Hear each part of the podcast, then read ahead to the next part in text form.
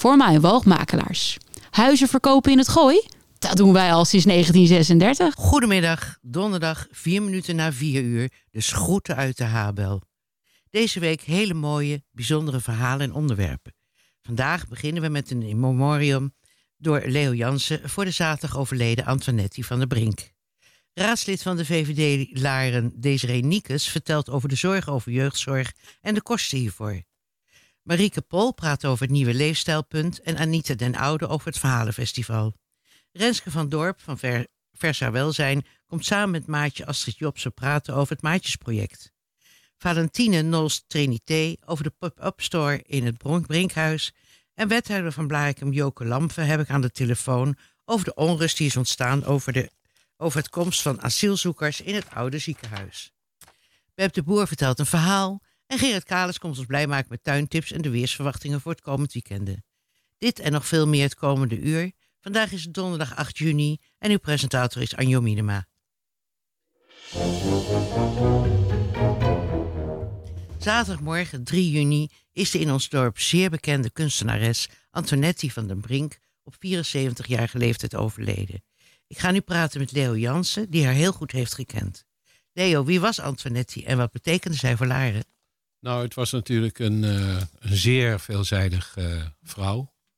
Uh, ja, die ongelooflijk veel voor het uh, dorp heeft betekend.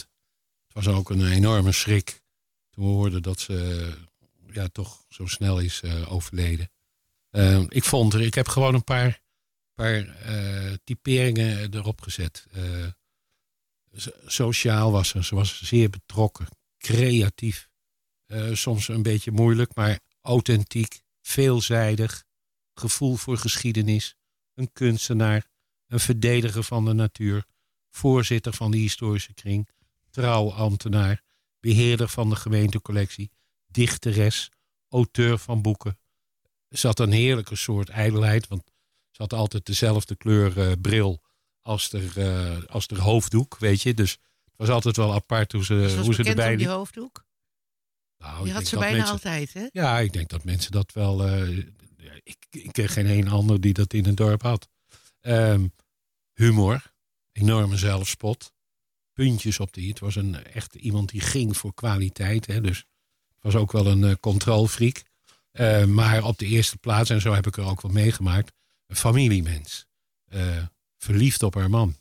dat stak ze ook niet onder stoelen of banken. Geweldig hoe, hoe dat zich uitte. Nou, gelukkig is ze geridderd, hè? dus uh, lid in de orde van Oranje Nassau. Ze heeft de erepenning gekregen van de gemeente. Leider van het jaar geweest door de Luide Krantenbel. Gaf lezingen, was de motor achter Monumentendag. Gaf les aan kinderen. Een open mind. Zij waar het op stond. En schuwde de confrontatie niet. En voelde zich, ze zegt altijd van uh, haar grootouders. Die kwamen allemaal uh, uit, het, uit het gooi. En als de moeder een meisje, een jongen was geweest, dan was ze erfgooier geweest. Ze was echt, uh, dan nam ze het ook enorm voorop voor uh, de erfgooiers. Want natuurlijk de familie van de Brink en haar man Dolle van de Brink. Zevende generatie, dacht ik, uh, wevers. Maar Dolle van de Brink was natuurlijk professor en zat in de raad van bestuur van ABN AMRO. Um, ja, ze voelde zich echt wel een uh, erfgooier. En ze heeft geweldige publicaties gemaakt. Hè. Ze heeft twee boeken geschreven. Uh, meerdere publicaties, ook een dichtbundel. Maar ja, wat natuurlijk fantastisch echt voor de geschiedenis van Laren heeft ze beschreven de wortels in Laren. De bomen van een schildersdorp. Nou, je, alles wisten van bomen. En kan je een heel klein stukje voorlezen van een gedicht? Of is dat uh, nu te lastig? Ik gedichtenbundel niet bij me. Oké. Dus dat, uh, dat zal ik niet. Dat zal ongetwijfeld als een zaterdag uh, herdacht wordt in de basiliek om één uur. zal dat zeker, zullen er gedichten van haar worden voorgelezen. Ik ga er niet over, maar dat vermoed ik. En ja, ik denk dat je ook die enorme veelzijdigheid, er komen nogal wat sprekers. Die zullen haar wat dat betreft ja, danken uh, hoe zij toch op een hele creatieve manier dat leven van haar gevierd heeft. Terwijl ze toch best uh, acht jaar geleden haar man verloren heeft, die ook, ook opeens uh, ziek werd en toch vrij snel is overleden. Nou, dat was natuurlijk haar grote liefde, dat zei ik al. En ja, het was toch wel dat, eh, de, de, hoe zeg je dat, dat glans van haar leven Was toch wel eh, behoorlijk er vanaf. En wat ik dan weer zo knap van haar vond, is dat je, zeg maar, naar gelang de tijd vorderde, dat ze toch weer dat leven hernam en die, en die glans weer terugkwam. En, en ook, eh, je zag er altijd heel erg veel met een vriendin van haar, Betty Bruin, de kunstenares. Ja, dat was een, dat was een setje. Weet je, humor, creatief. En, Twee eenheid. ja, en die ondernamen alles. Of het nou ging, eh, een project als door de bank genomen voor Oekraïners. Weet je, eh, ze pakten het aan en eh, tot in de perfectie. Dat is echt hoor, chapeau, chapeau. Wat zal ze verschrikkelijk gemist worden dan? Ja, natuurlijk wordt ze. Ja, terwijl aan de andere kant, tuurlijk wordt ze gemist. Maar het was wel iemand die nou niet per se altijd op de voorgrond hoefde. Weet je, eh, ze was bijvoorbeeld ook actief in Larensbehoud. Hè, Mhm. toen, toen zeg maar de glorietijd van Larensbehoud zo kwam eh, in 2004, sloot ze zich, eh, waarschijnlijk was al lid hoor, maar dan komt ze opeens naar voren, ook in de magazines. En ja, daar, ja, daar verzet ze zich toch ook wel tegen de commercie in het dorp. Hè? En dat ze daar toch meer de authenticiteit en de eigenheid van het dorp op wil waarderen. En nou ja, daar is fantastisch. Heeft ze daar vorm aan gegeven. En zeker als, eh, als voorzitter van de historische kring. Mooie tentoonstellingen eh, georganiseerd. Open Monumentendag was een feestje. Weet je, dan, had ze weer iets bedacht. eh, dat ze als een soort elfenkoningin.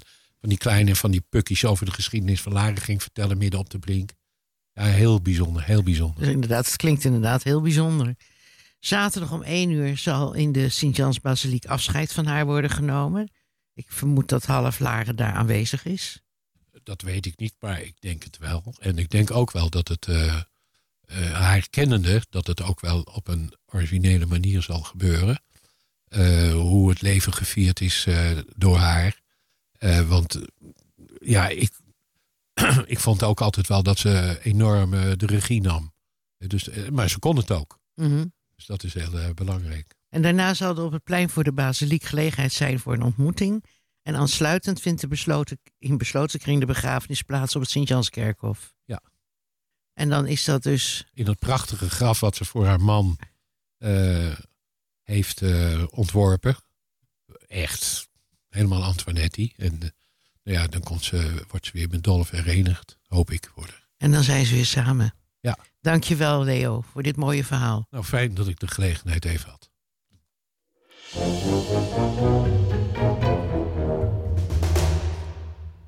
Jeugdzorg en de kosten daarvoor. Aan de telefoon is raadslid van de VVD, Desiree Niekes. Welkom, mevrouw Niekes. Ja, goedemiddag. Hallo. Goedemiddag. Afgelopen week is er een VVD-avond geweest over jeugd- jeugdzorg in de Habel-gemeente en de kosten daarvan. Er was een ambtenaar uit de gemeente Huizen en die was verantwoordelijk voor de hele Habel-gemeente en kwam op persoonlijke titel vertellen hoe de kosten de pan uitreizen voor jeugdzorg en hoe, hoe daarop te bezuinigen. Vertelt u daar eens over? Ja, dit was een hele goede avond. Eh, we hebben 15 jaar geleden, jeugdzorg is echt een probleem op dit moment bij alle gemeentes. 25 jaar geleden maakten minder dan 4% van de kinderen gebruik van de jeugdzorg.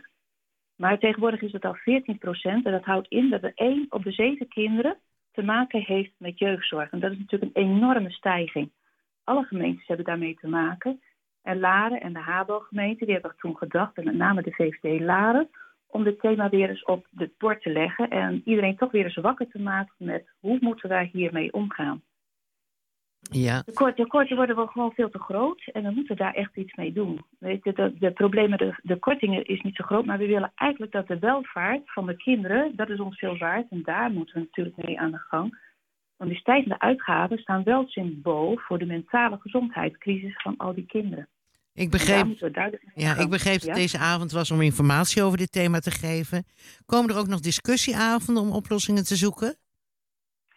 Er komen zeker discussieavonden. Bijvoorbeeld vanavond is er al een avond voor de commissieleden en de raadsleden van de gemeente in het Bel. We gaan dan hebben over de gala-regeling en dat is wel de Gezondheid Actief Levenakkoord. En daarbij hoort een subsidieprogramma en dat gaan we vanavond gaan we dat eh, bespreken. Maar dat wordt opgenomen in de hervormingsagenda van de jeugd. Dus dat is weer een eh, heel nieuw belangrijk onderwerp waar we gaan bespreken vanavond. Ja. Ja, vertelt u verder? ja, de, de overheid is natuurlijk uh, toch een belangrijk uh, thema. Uh, ook huisartsen spelen natuurlijk een hele grote rol in de jeugdzorg. -hmm. En Jeroen Bigot, die ambtenaar die bij ons ook het verhaal gedaan heeft, en hij zit natuurlijk heel dicht bij het beleid. Hij zegt, ja, de overheid kan het natuurlijk niet allemaal alleen. En dat is natuurlijk ook zo. Heel veel mensen denken dat de overheid gewoon de oplossing is. 60% van de doorverwijzingen wordt gedaan door de huisarts. En het is heel belangrijk dat de gemeente een hele nauwe samenwerking krijgt, heeft met de huisarts. En dat kan bijvoorbeeld door een PO, dat is weer zo'n mooie gemeentelijke afkorting, de praktijk ondersteunen. -hmm. En als de praktijkondersteuner bijvoorbeeld de lichte uh, vragen kan beantwoorden en misschien alleen al door te luisteren naar problemen van jeugdzorg, kinderen of ouders, dan kan je misschien de zwaardere gevallen toch beter behandelen, omdat de huisarts dan meer tijd heeft om die gevallen dan door te sturen naar een specialist in de plaats van de kinderen die eigenlijk de specialistische zorg niet nodig heeft. Ja, ja. En hoe vond u zijn verhaal van Jeroen? Ik vond het, het verhaal van Jeroen vond ik, uh, een, een, goed verhaal. Het was een verhaal, het kwam uit zijn hart. En hij is daar natuurlijk dagelijks mee bezig. Het is een ambtenaar die heel erg betrokken is bij de jeugdzorg. Hij zit al jaren bij, bij de gemeente en heeft ook heel veel goede beleidsstukken uitgewerkt. En zijn verhaal over kinderen, met name hier in de regio, zijn natuurlijk kinderen toch vaak wel heel goed bemiddeld. En de ouders die eisen vaak ook heel veel van de kinderen. En dan merk je toch vaak dat ouders toch heel veel van de overheid willen. En ook bij de huisarts met een vuist op tafel slaan om te zeggen: wij willen de allerbeste en duurste jeugdzorg voor mijn kind. Misschien heeft het wel een MAVO-advies. Wij willen gewoon graag dat het kind gaat studeren en op een hoog niveau en uh, goed in de markt uh, terechtkomt. Ja, en tegenwoordig kan je natuurlijk heel veel beroepen aanwijzen waarvan de kinderen zeggen lekker met je handen werken. Op een ander niveau waar ze vaak veel gelukkiger zijn dan in het uh, werk wat ze misschien opgedrongen worden door de ouders. Waardoor ze ook weer bij de jeugdzorg terechtkomen. Ja. ja, ja. Ik vond het ook bijzonder dat er wethouders en raadsleden van andere partijen aanwezig waren. Ja, dat was ook wel leuk inderdaad. Want daardoor krijg je een discussie. En de VVD heeft ook de andere partijen aangemoedigd en uitgenodigd om te komen. Om juist die discussie op gang te brengen. Want er was natuurlijk een Tweede Kamerlid en een ambtenaar. En door een discussie op touw te brengen vanuit de praktijk, want raadsleden en wethouders werken natuurlijk in de praktijk, kan je toch de, de, ambtenaar en ook het Rijk weer van nieuwe adviezen voorzien, waardoor je natuurlijk een beter beleidsstuk kan schrijven, wat voor alle kinderen in Nederland belangrijk is. Dus door die communicatie met andere partijen, om eens te horen wie wat inbrengt en hoe het anders moet, of misschien nog beter moet, van diverse kanten belichten en dat meenemen, ook naar Den Haag in dit geval. Ik hoorde veel dat men terug wil naar de situatie van 2015. Wat is het verschil dan met nu? Ja, 2015 waren er nog veel minder kinderen die van de jeugdzorg uh, gebruik maakten. En dat is natuurlijk uh, nu toch uh, groter geworden, veel groter geworden de wereld verandert natuurlijk ook. Er komen natuurlijk ook steeds meer mensen in Nederland wonen.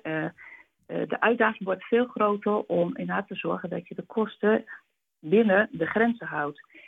Ja, en dat is natuurlijk toch een uitdaging voor en het Rijk, Den Haag hiermee, en de gemeentes, maar ook voor de ouders. Je moet ook de ouders inderdaad goede voorlichting geven mm -hmm. om te zorgen dat je kind niet in de jeugdzorg terechtkomt. Ja, inderdaad. En dat moet dan het verschil ja. maken. Ja. Oké. Okay. Nou, hartelijk dank voor uw bijdrage. En ik denk dat ja, het ik zo... wil eigenlijk nog wel even... Ja, ja vertel maar. Oh, oké. Okay. ja, bent u er nog? Ja, ja, ik ben er nog. Ja, ik wil nog even zeggen, de VVD Laren die heeft uh, vier keer per jaar een themaavond. En elke keer is dat een ander thema, waarbij we alle inwoners betrekken, maar ook alle andere raadsleden en andere gemeentes, om mee te kunnen praten over die thema's. En dat werken we uit. Dus we willen dichter bij de inwoners staan. En daarnaast zoeken we ook veel vrouwen die in de politiek uh, gaan plaatsnemen. Want deze avond was ook eigenlijk wel weer vol bezet door heel veel mannen. En ik geloof dat er vier vrouwen waren. Daar met name dus nu ook een oproep naar alle vrouwen die zich met jeugdzorg willen bemoeien. Meld je aan bij een partij en ga meedoen. Praat over jouw kind mee in de politiek. Nou, dat is, uh, hierbij is dat dan gedaan. Helemaal goed. Top. Dankjewel okay. voor deze gelegenheid. Heel graag gedaan. Ja. En okay, tot ziens. Dankjewel. Dag. Tot ziens. Dag.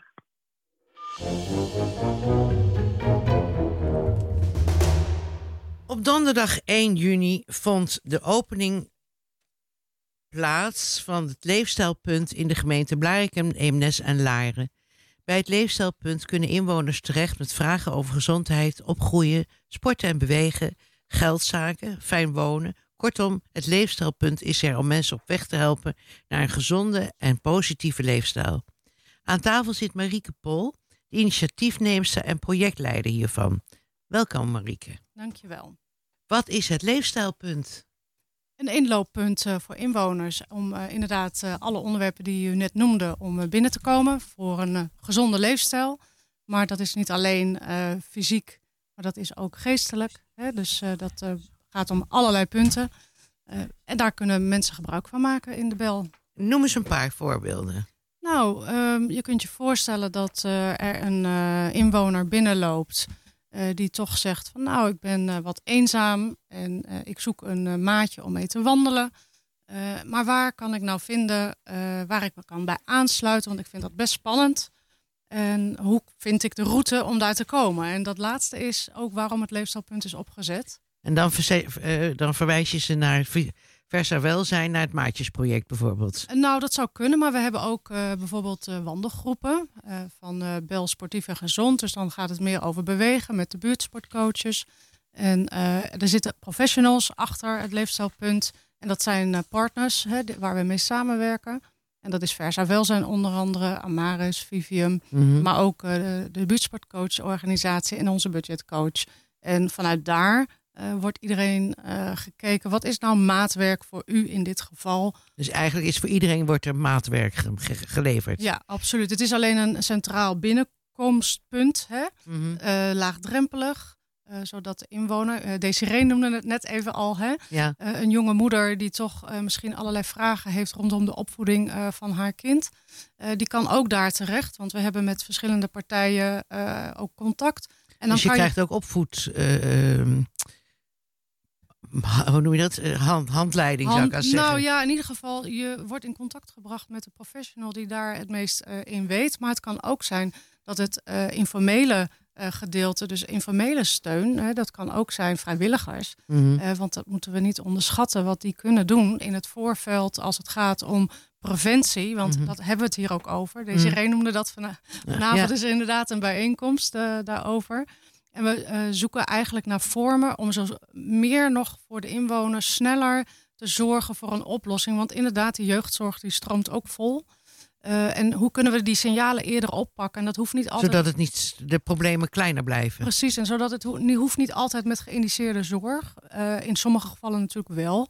Maar het kan ook zijn als het bijvoorbeeld gaat over mentale gezondheid. Dat is bijvoorbeeld mm -hmm. ook een thema wat momenteel. Ja, was... Kan je daar acute hulp bij geven? Nou, maar het gaat dan vaak over sociale contacten. Het gaat vaak om ergens mee bezig te zijn, wat je leuk vindt en wat je afleiding biedt. En waar, dat kan ook in kunst en cultuur zijn, dat kan in muziek, dat kan in sport, uh, dat kan eigenlijk in alle zaken. En de mensen achter het leefstijlpunt, die weten het netwerk te vinden. Waar moet je nou zijn voor wat? Ja, ja. En daarbij is een hele belangrijke. Uh, maar Judith Kramer wordt het vaste gezicht van het leefstijlpunt. Ja, dat Wat klopt. is haar achtergrond? Haar achtergrond is ook uh, inderdaad op uh, diëtisten en ook op leefstijlcoach.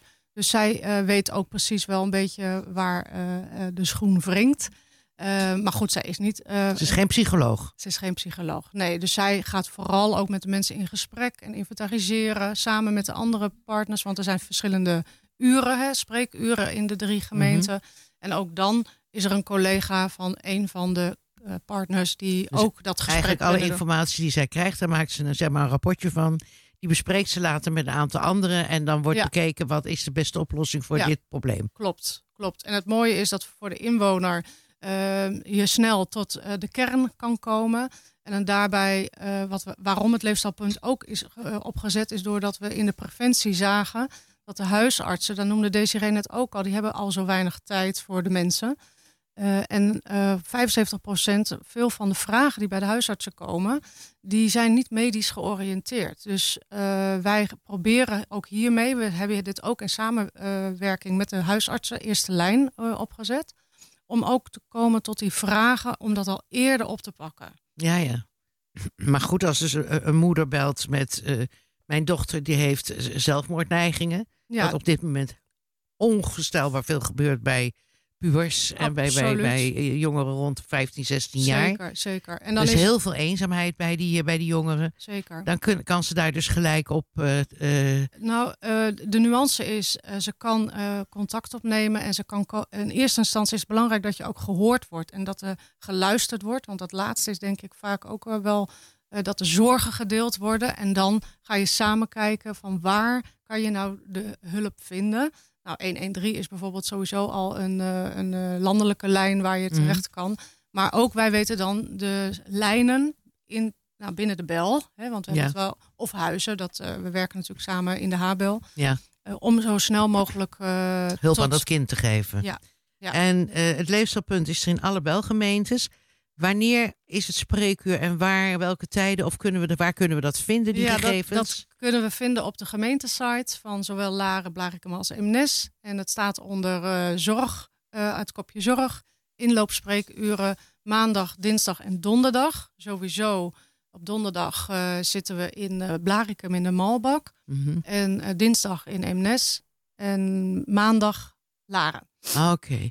Nou, dankjewel voor deze toelichting. Ja, Ik denk dat het heel veel verduidelijkt heeft. Ja, misschien nog goed om te zeggen, eh, voor inwoners eh, kost het geen geld. Het is dus gratis. Ja, Alle hulp van, via ja tenminste de, de gesprekken die ja, we doen de, de eerste, en de de eerste, doorverwijzing. de eerste ja. gesprekken, dat is allemaal gratis. ja, dus dat kost de mensen zelf niks om met iemand te moeten praten. Mogen praten. Oké. Ja, Nou, hartelijk dank. dankjewel. Dag. Dag. Gaan we over op iets heel anders. Valentine Nolst Trinité, een prachtige naam. Een prachtige dame die hier tegenover mij zit. Om te vertellen over de pop-up store in het Brinkhuis. U bent een van de organisatoren van de pop-up store in het Brinkhuis op 9 en 10 juni. Waarom deze pop-up store? Eh, waarom deze pop-up store? Is omdat wij elk jaar proberen in, rondom deze periode een speciale eh, sales te organiseren van verschillende aanbieders van producten. Mhm, En eh, juni is altijd een hele leuke maand om dat te doen. mhm. Eh, waarom hier in, eh, in het Brinkhuis? Het is gewoon puur toevallig. Omdat ik Leon Schouten ken. Omdat ik een loods huur bij hem. eh, bij Q Storage. En ik vroeg, ik kwam hem tegen en ik vroeg... Oh, Leon, jij kent heel Laren. Vorig jaar heb ik het gedaan in Bussum. Jij kent heel Laren. Kan jij misschien voor mij een hele leuke locatie vinden?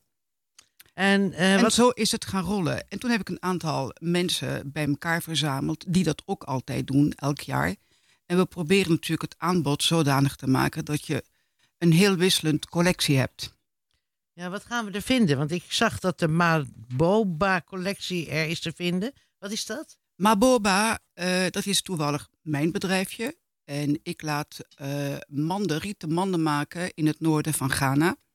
In Bolgatanga. En Maboba is En eigenlijk al nieuwsgierig naar welke, van welk land het was. Ghana. En Maboba staat voor de Mama's of Bolga Baskets. Maboba. En het zijn dus meestal vrouwen die die manden eh, maken. Die maken ze van olifantengas. Olifantengas, hè? Je weet het goed. Ik heb mijn huiswerk gedaan. Ja, heel goed. En dan hebben we ook nog Just Mary Jewelry. In een, is een Nederlands sieradenmerk van Marina Wilte Kalf. En ze maakt prachtige oorbellen. Dat- Die lijken me heel kostbaar als ik zo de beschrijving Ehm, las. Ik, eh, wat ik heb eh, begrepen van eh, Marina is dat zij deze juwelen laat maken in Bali. En er worden hoogwaardige kwaliteit zilver gebruikt. Maar op deze pop-up krijg je de kans om tegen een betaalbare prijs, een goede prijs, een deel van haar collectie te kunnen kopen. Want ze is natuurlijk ook, eh, je kan haar juwelen ook kopen via de winkels. Maar dit is voor morgen en overmorgen een speciale gelegenheid om haar, eh, zeg maar, eh, toch via de sales leuke juwelen te kunnen kopen. Ik ben ook nieuwsgierig, want ik zie haar ook voor het eerst morgen. Ja, ik heb ook, eh, we kennen elkaar niet allemaal. Hè, dus dat Nou ja, ook, Ik ga er zeker kijken, want ik ben een ontzettende is- ik heb- oorbellenfreak. ik, ik heb begrepen dat het prachtig is. Dus En er is babykleding van Janest, gemaakt in Ook. Portugal, maar hier ontworpen. Ja. En dat wordt gemaakt van recyclede stoffen. Kan Ja. je daar, weet je daar iets over? ik, eh, ik kan helaas niet veel vertellen dan eh, wat u zelf al weet. Het enige wat ik weet is dat eh, het ook een heel leuk merk is voor baby's vanaf drie maanden en kinderen tot 14 jaar. En uh, dat zij ook met een wintercollectie gaat beginnen in een store en ook in Laren. Dus vanaf uh, augustus is het uh, haar collectie te zien bij Store of Daydreams in Laren. En het is de eerste keer dat ze dat ook doet, volgens mij. En we zijn ook helemaal benieuwd, want het, het schijnt ook nou, heel leuk te zijn. En je kan dus haar zomercollectie met dus via speciale kortingen inkopen. En dat waar ik me over verbaasde was filosofie, die maskers en hondenriemen. Ja, uh, filosofie. Ik vond de combinatie zo bijzonder. Ja. Wat voor maskers? Uh, uh, ik, heb, ik heb gezien dat de maskers met name komen uit Burkina Faso en de Ivoorkust. En dat komt denk ik omdat Sophie met haar man heel lang in Zuid-Afrika gewoond heeft. Ik geloof iets van zeven jaar. En dan worden die hondenriemen ook daar gemaakt waarschijnlijk? Ik geloof dat de hondenriemen uit Zuid-Amerika komen. Oké. Okay. Dus met name die maskers en die stoffen komen uit, uit het, het zeg maar Zuid-Afrika. En uh, Sophie verhuist met haar man naar uh, Zwitserland. Want hij heeft een nieuwe aanstelling gekregen voor zijn baan. En het is voor haar de, de mogelijkheid om haar collectie, wat ze nog heeft, gewoon via een pop-up store uh, te verkopen. Oké, okay, en dan kreeg je niet te vergeten: cashmere kleden en beddengoed van Isabella Kaivinger. Helaas, dat is, u, u heeft nog de oude versie. Mijn excuses hiervoor. Isabella heeft een probleem gehad, want haar moeder was ernstig ziek. Dus, dus we hebben, zij komt niet? Zij komt niet, maar zij, is, uh, zij wordt uh, vervangen door uh, Amiek Krakers. En Amiek heeft de House of Opulence. En House of Opulence maakt geurkaarsen en dus ook op maat gemaakt met haar eigen, haar eigen um, geuren. En um, ik geloof ook wierookstokjes. Ah, okay. Dus zij komt in de plaats. Ah, okay. En we, we hebben nog een merk. En dat is? We hebben nog een merk, BIP. En BIP zijn uh, um, badpakken, um, uh, gemaakt door Wendela de Goederen. Dan moet ik even stiekem kijken, want ik heb natuurlijk wel mijn, ook een beetje mijn huiswerk gedaan. Maar dus het merk heet BIP en dat staat voor Boxer in Blue. En het is high-end swim fashion. Oké. Okay. En uh, ook dat, ik heb haar al één keer meegemaakt op een, uh, op een vorige pop-up in de afgelopen winter. Nou, het is, je wil niet weten wat je ziet. De meest prachtige badpakken. Oké. Okay. Allemaal een beetje de jaren 60, 70, James Bond-stijl. Dus. Nou ja, we gaan ons laten verrassen. Zeker dus weten. Iedereen gaat kijken op de pop-up store in het Brinkhuis komende vrijdag en zaterdag. Oké. Okay, dank u wel. Dank u wel.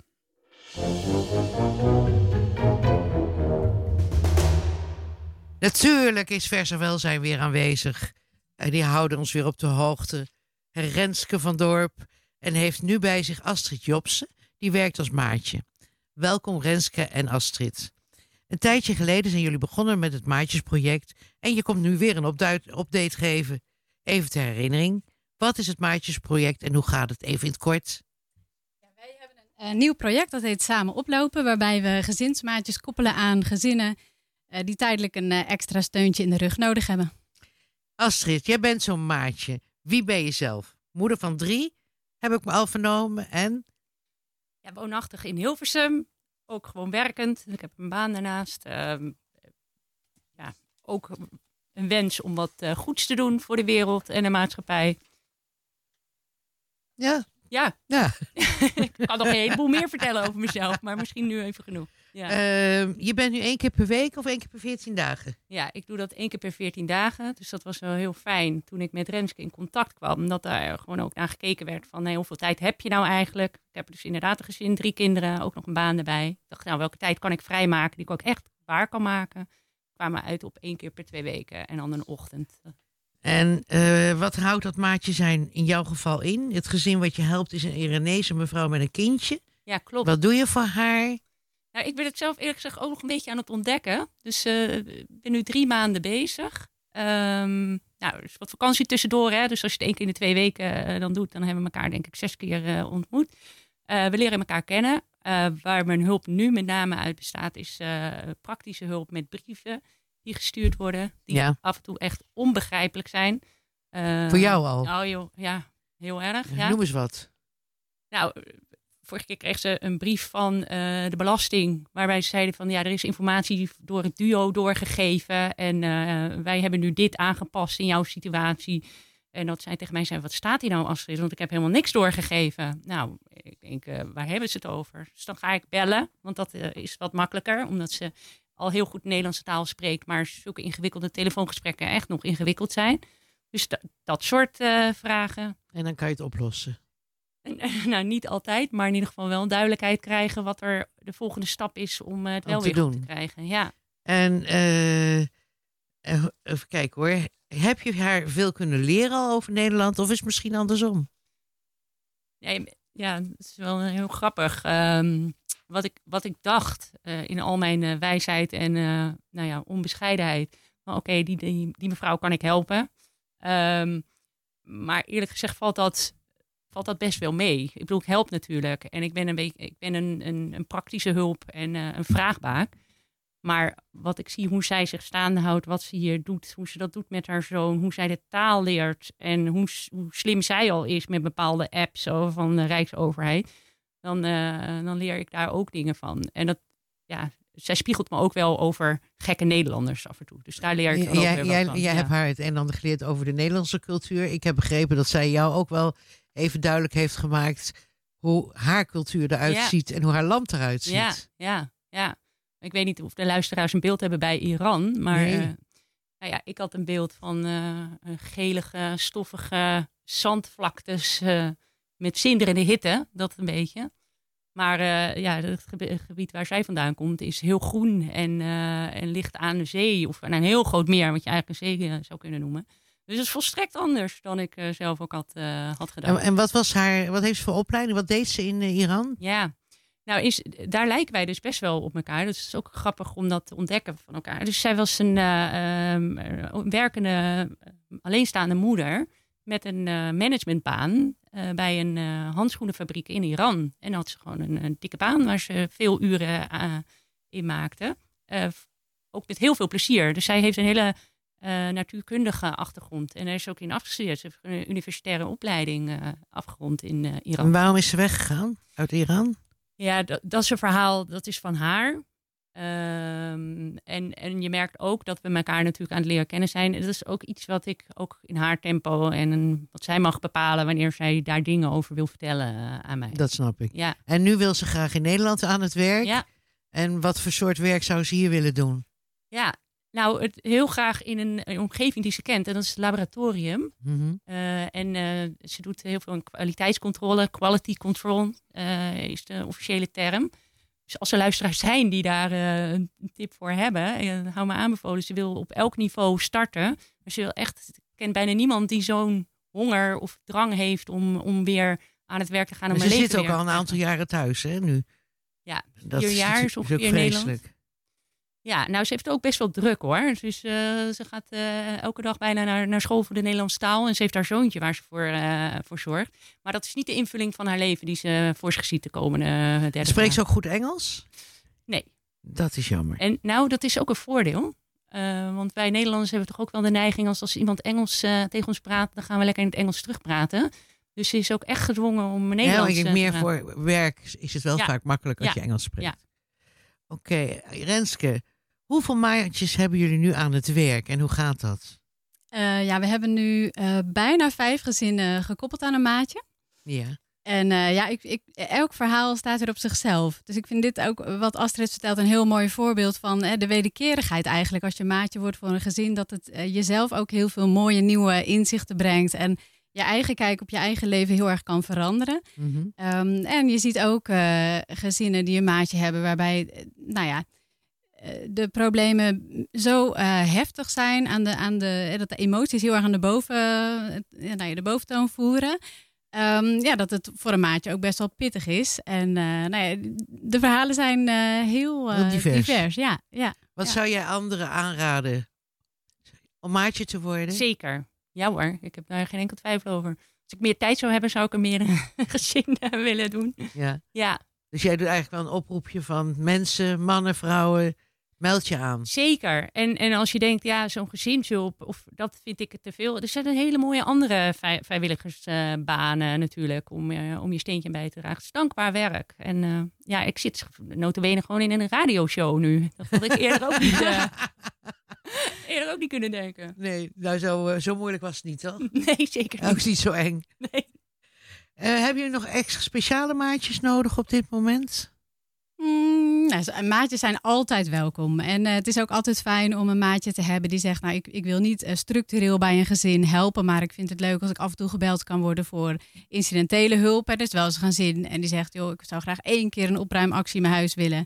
Nou, de komende keer drie maatjes opruimen en daarna gaat één maatje daar structureel helpen. Hoe gaan we dit voorkomen? Hoe gaan we het weer fijn en gezellig krijgen? Ja, ja. Er zijn allerlei soorten vrijwilligers altijd welkom. En omdat ik natuurlijk bij Versa Welzijn werk, eh, ja, je kunt ook met mij een gesprek voeren en dat ik wat verder kijk. Eh, als je zegt, ik voel me niet zo vertrouwd met een gezin, maar eh, liever wil ik een, iemand in zijn eentje helpen. Ja, dat kan ook. Er zijn ontzettend veel mogelijkheden, ja. Wij hebben volgende week onze laatste uitzending voor de zomer. Ik neem aan dat je in september wel weer een keertje terugkomt, toch? Met een ander maatje die Dat- weer het een en ander kan vertellen. Ja, dat zou heel leuk zijn. Heel misschien is er ook wel een ouder die het mooi vindt om te praten. Hè? Want dat zie je nu in het nieuws heel erg. Dat er eigenlijk wordt, eh, mensen worden eigenlijk uitgedaagd om ook te vertellen over dingen die lastig zijn. Hè? We hebben allemaal onze ja, dat is. Instagram en on- Ja. hè, we laten allemaal de mooie kanten zien van het leven.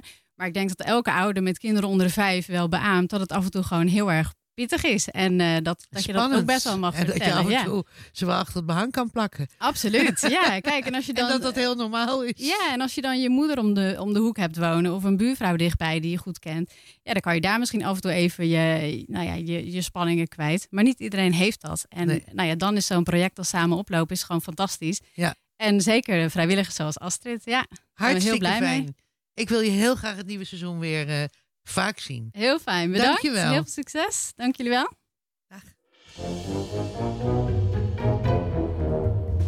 Tijdens het festival Verhalencamping vertellen vijf verhalenvertellers hun verhalen op camping de Woensberg.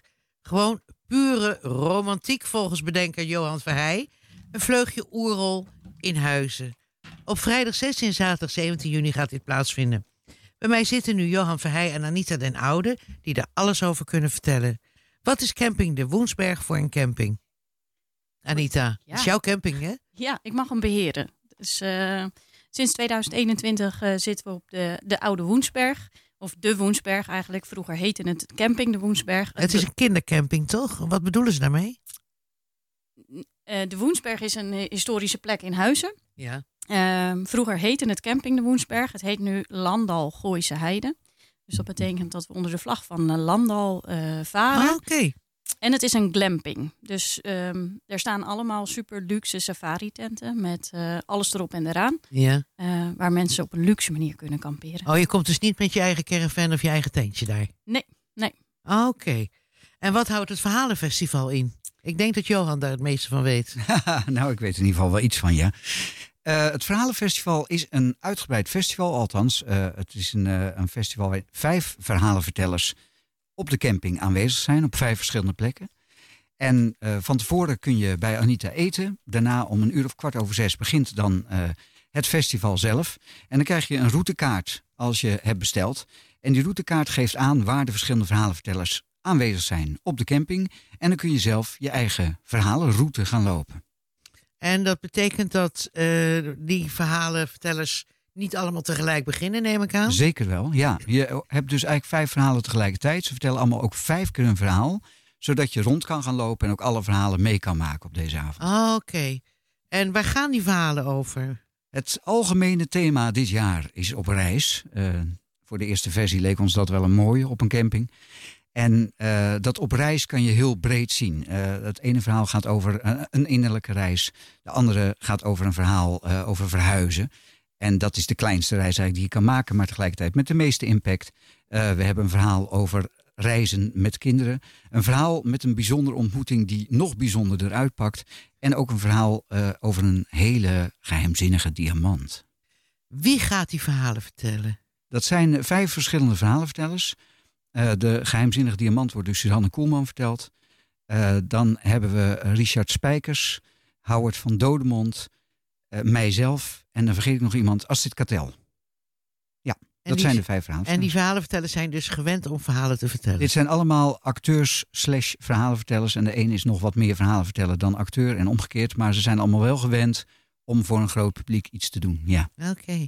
De camping is wie het niet kent, ligt midden in de, in de bossen op de grens van Huizen en Blarikum. Denk aan oude bomen, grasweiden met royale glampingtenten en tussen de weides royale groenhagen.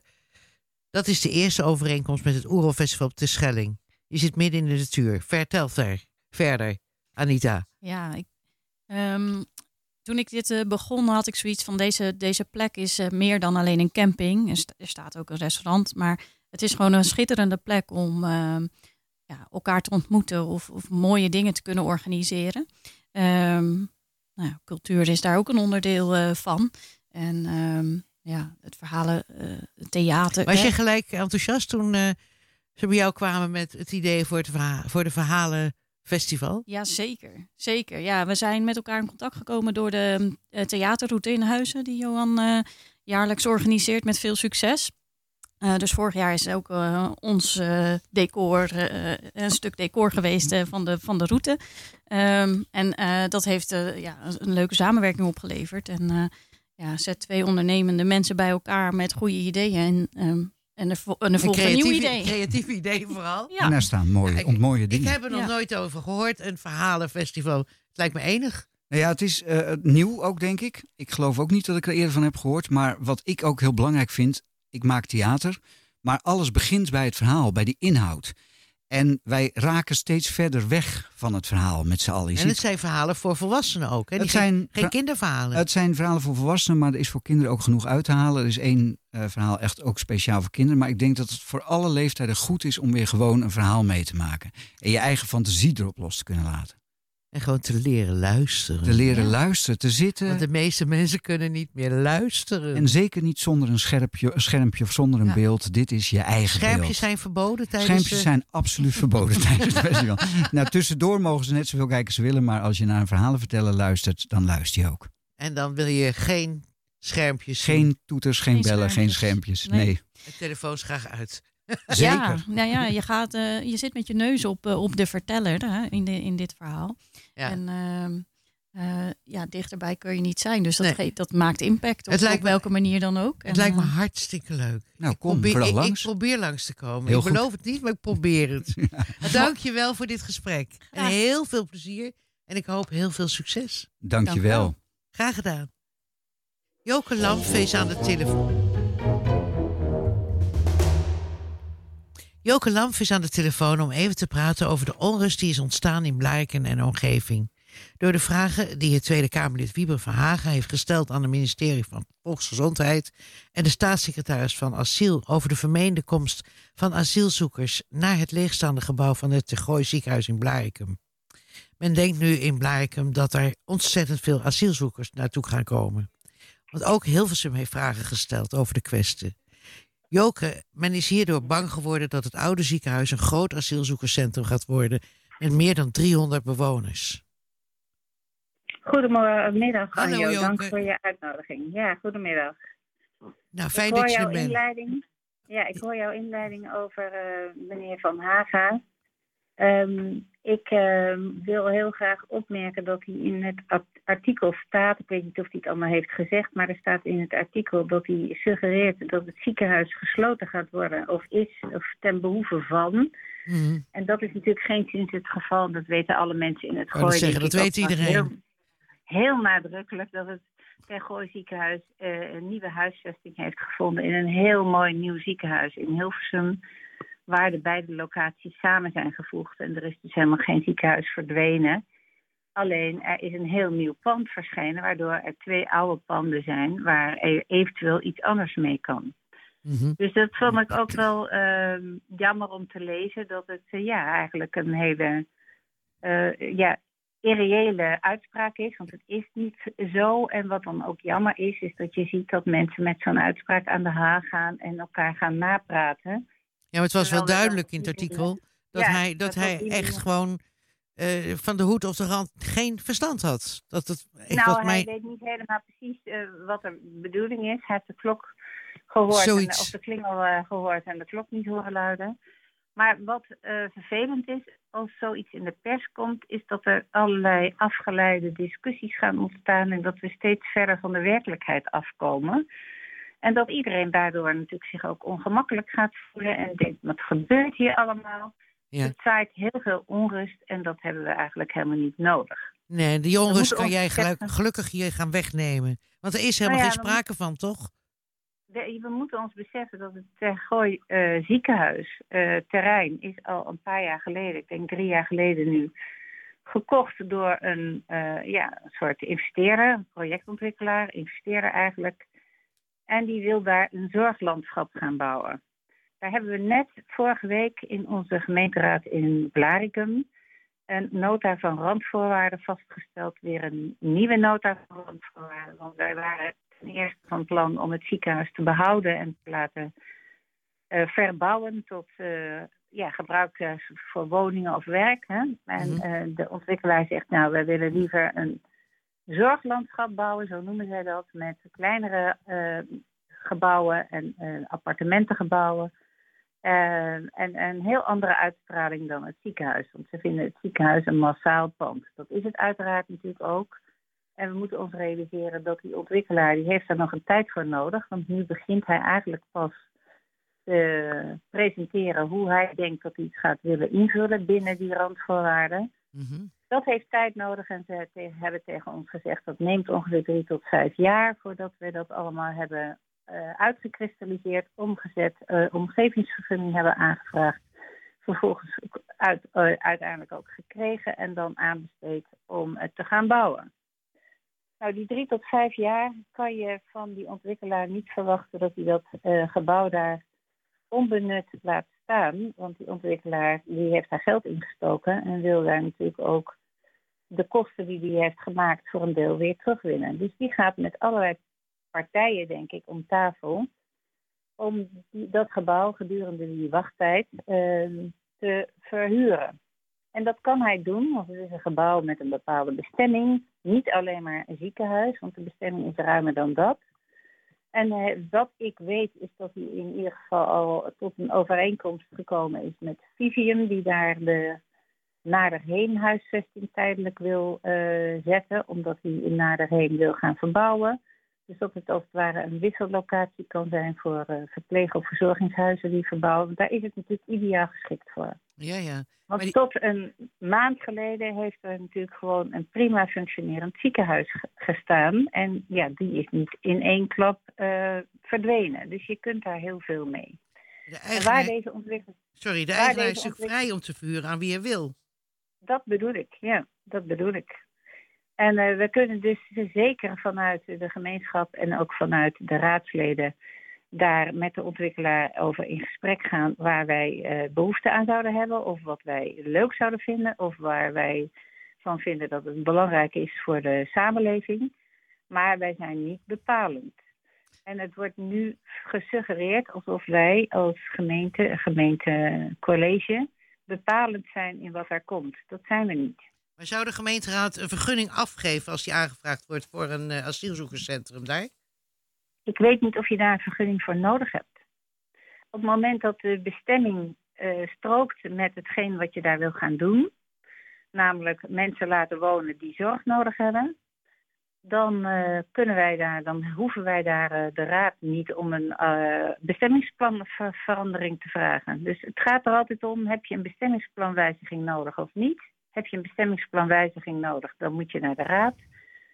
Dan kan het zijn dat de raad zegt in het kader van dit maatschappelijk punt onderwerp van nou, dat vinden wij ook eh, belangrijk. Het kan ook zijn dat ze het niet belangrijk vinden. Dan komen zij aan in beeld. Maar op het moment dat de eigenaar verhuurt aan partijen waar er geen bestemmingsplanwijziging voor nodig is, dan is het maar zeer de vraag of het de raad wordt voorgelegd. Oké. En als dat eh, zo wel zo zou zijn, dat dus de, het COA een, eh, een gedeelte wil huren om de asielzoekers in te brengen, onder te brengen, hebben dan de inwoners inspraak? Dat is ook de vraag. Op het moment dat je een hotel hebt en je verhuurt het aan mensen die daar komen voor een kamer, dan ga je niet aan de buurt vragen: vindt u het goed dat meneer X of Y hier eh, zeg maar een hotelkamer huurt? Dus het is heel erg afhankelijk van eh, wat en hoe. En wij moeten zeker eh, het geluid van de raad laten doorklinken naar de eigenaar. Mhm. Dat hij daar in ieder geval rekening mee houdt, hè, wat de raad wil. Want hij wil ook nog van alles van de raad. Want En hij wil is, wat, is wat, er, wat is wat de raad wil? Nou, daar heeft de Raad zich niet echt over uitgesproken, omdat het geen onderwerp van gesprek was tot nu toe. Dus ik weet het niet. Maar er is één fractievoorzitter die uh, in ieder geval ook in de pers uh, lezend zich uitspreekt tegen directe sloop van het pand. Maar dan zou daar uh, een heel aantal jaren een grote berg puin liggen. wat wij ook helemaal niet willen. Of het gat van Hamdorf, wat je nog wel herkent in Laren zou herhaald worden. En ik denk dat, dat, dat je dat ook die eigenaar niet moet gunnen. Mhm. Ik gun die eigenaar dat hij daar nog in ieder geval enige zeg maar, financiële revenue uitkrijgt, zolang die bezig is met de ontwikkeling van de nieuwe locatie. Dus eigenlijk kunnen we nog niet voor 100% zeggen, er komen geen asielzoekers. Dat kunnen we niet zeggen. En we Nee. kunnen ook niet zeggen voor 100% zeker dat ze er wel komen. Dus we zijn gewoon eigenlijk nog helemaal in een onbestemde fase. En wij weten ook nog helemaal niet of de raad eh, daar echt over gaat. Dus Mm. dat is nog ook een vraag. Dus is allemaal nog even afwachten. En we moeten het rustig even afwachten. En ik denk dat we gewoon moeten proberen om even op onze handen te zitten. En niet direct eh, allerlei suggesties die deels gewoon ten onrechte zijn gedaan. eh, mee door te gaan denken. Want dan gaan we met allerlei gedachten op de loop. En dan eh, wordt het van kwaad tot erger. Laten we gewoon eerst even rustig afwachten. Wat gaat zich hier eh, voordoen? En waar gaat die ontwikkelaar mee in gesprek? En daar, dat zullen wij als college, de ontwikkelaar, ook daadwerkelijk vragen. Waar ben je mee in gesprek en wat gaat hier allemaal gebeuren? Mhm. Dus de- de- jullie houden wel degelijk een vinger aan de pols. Ja, wij houden een vinger aan de pols. Zeker. Hartelijk Ja? dank voor, eh, voor je uitleg en voor je tijd.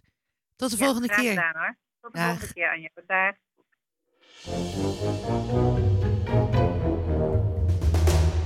Nou, dan heb ik hier natuurlijk zitten Beb en Gerard. We gaan beginnen met Beb. Beb heeft een leuk verhaaltje. Dat gaat hij even vertellen. En daarna gaan we naar Gerard Kales le- luisteren over de tuin, wat we nu moeten doen en over het weer van de komende tijd. Juist. Vertel Beb. Nou, een tijd geleden was ik bij de historische kring bezig met oude foto's. En toen kwam ik een foto tegen van ehm, de drogisterij Brouwer.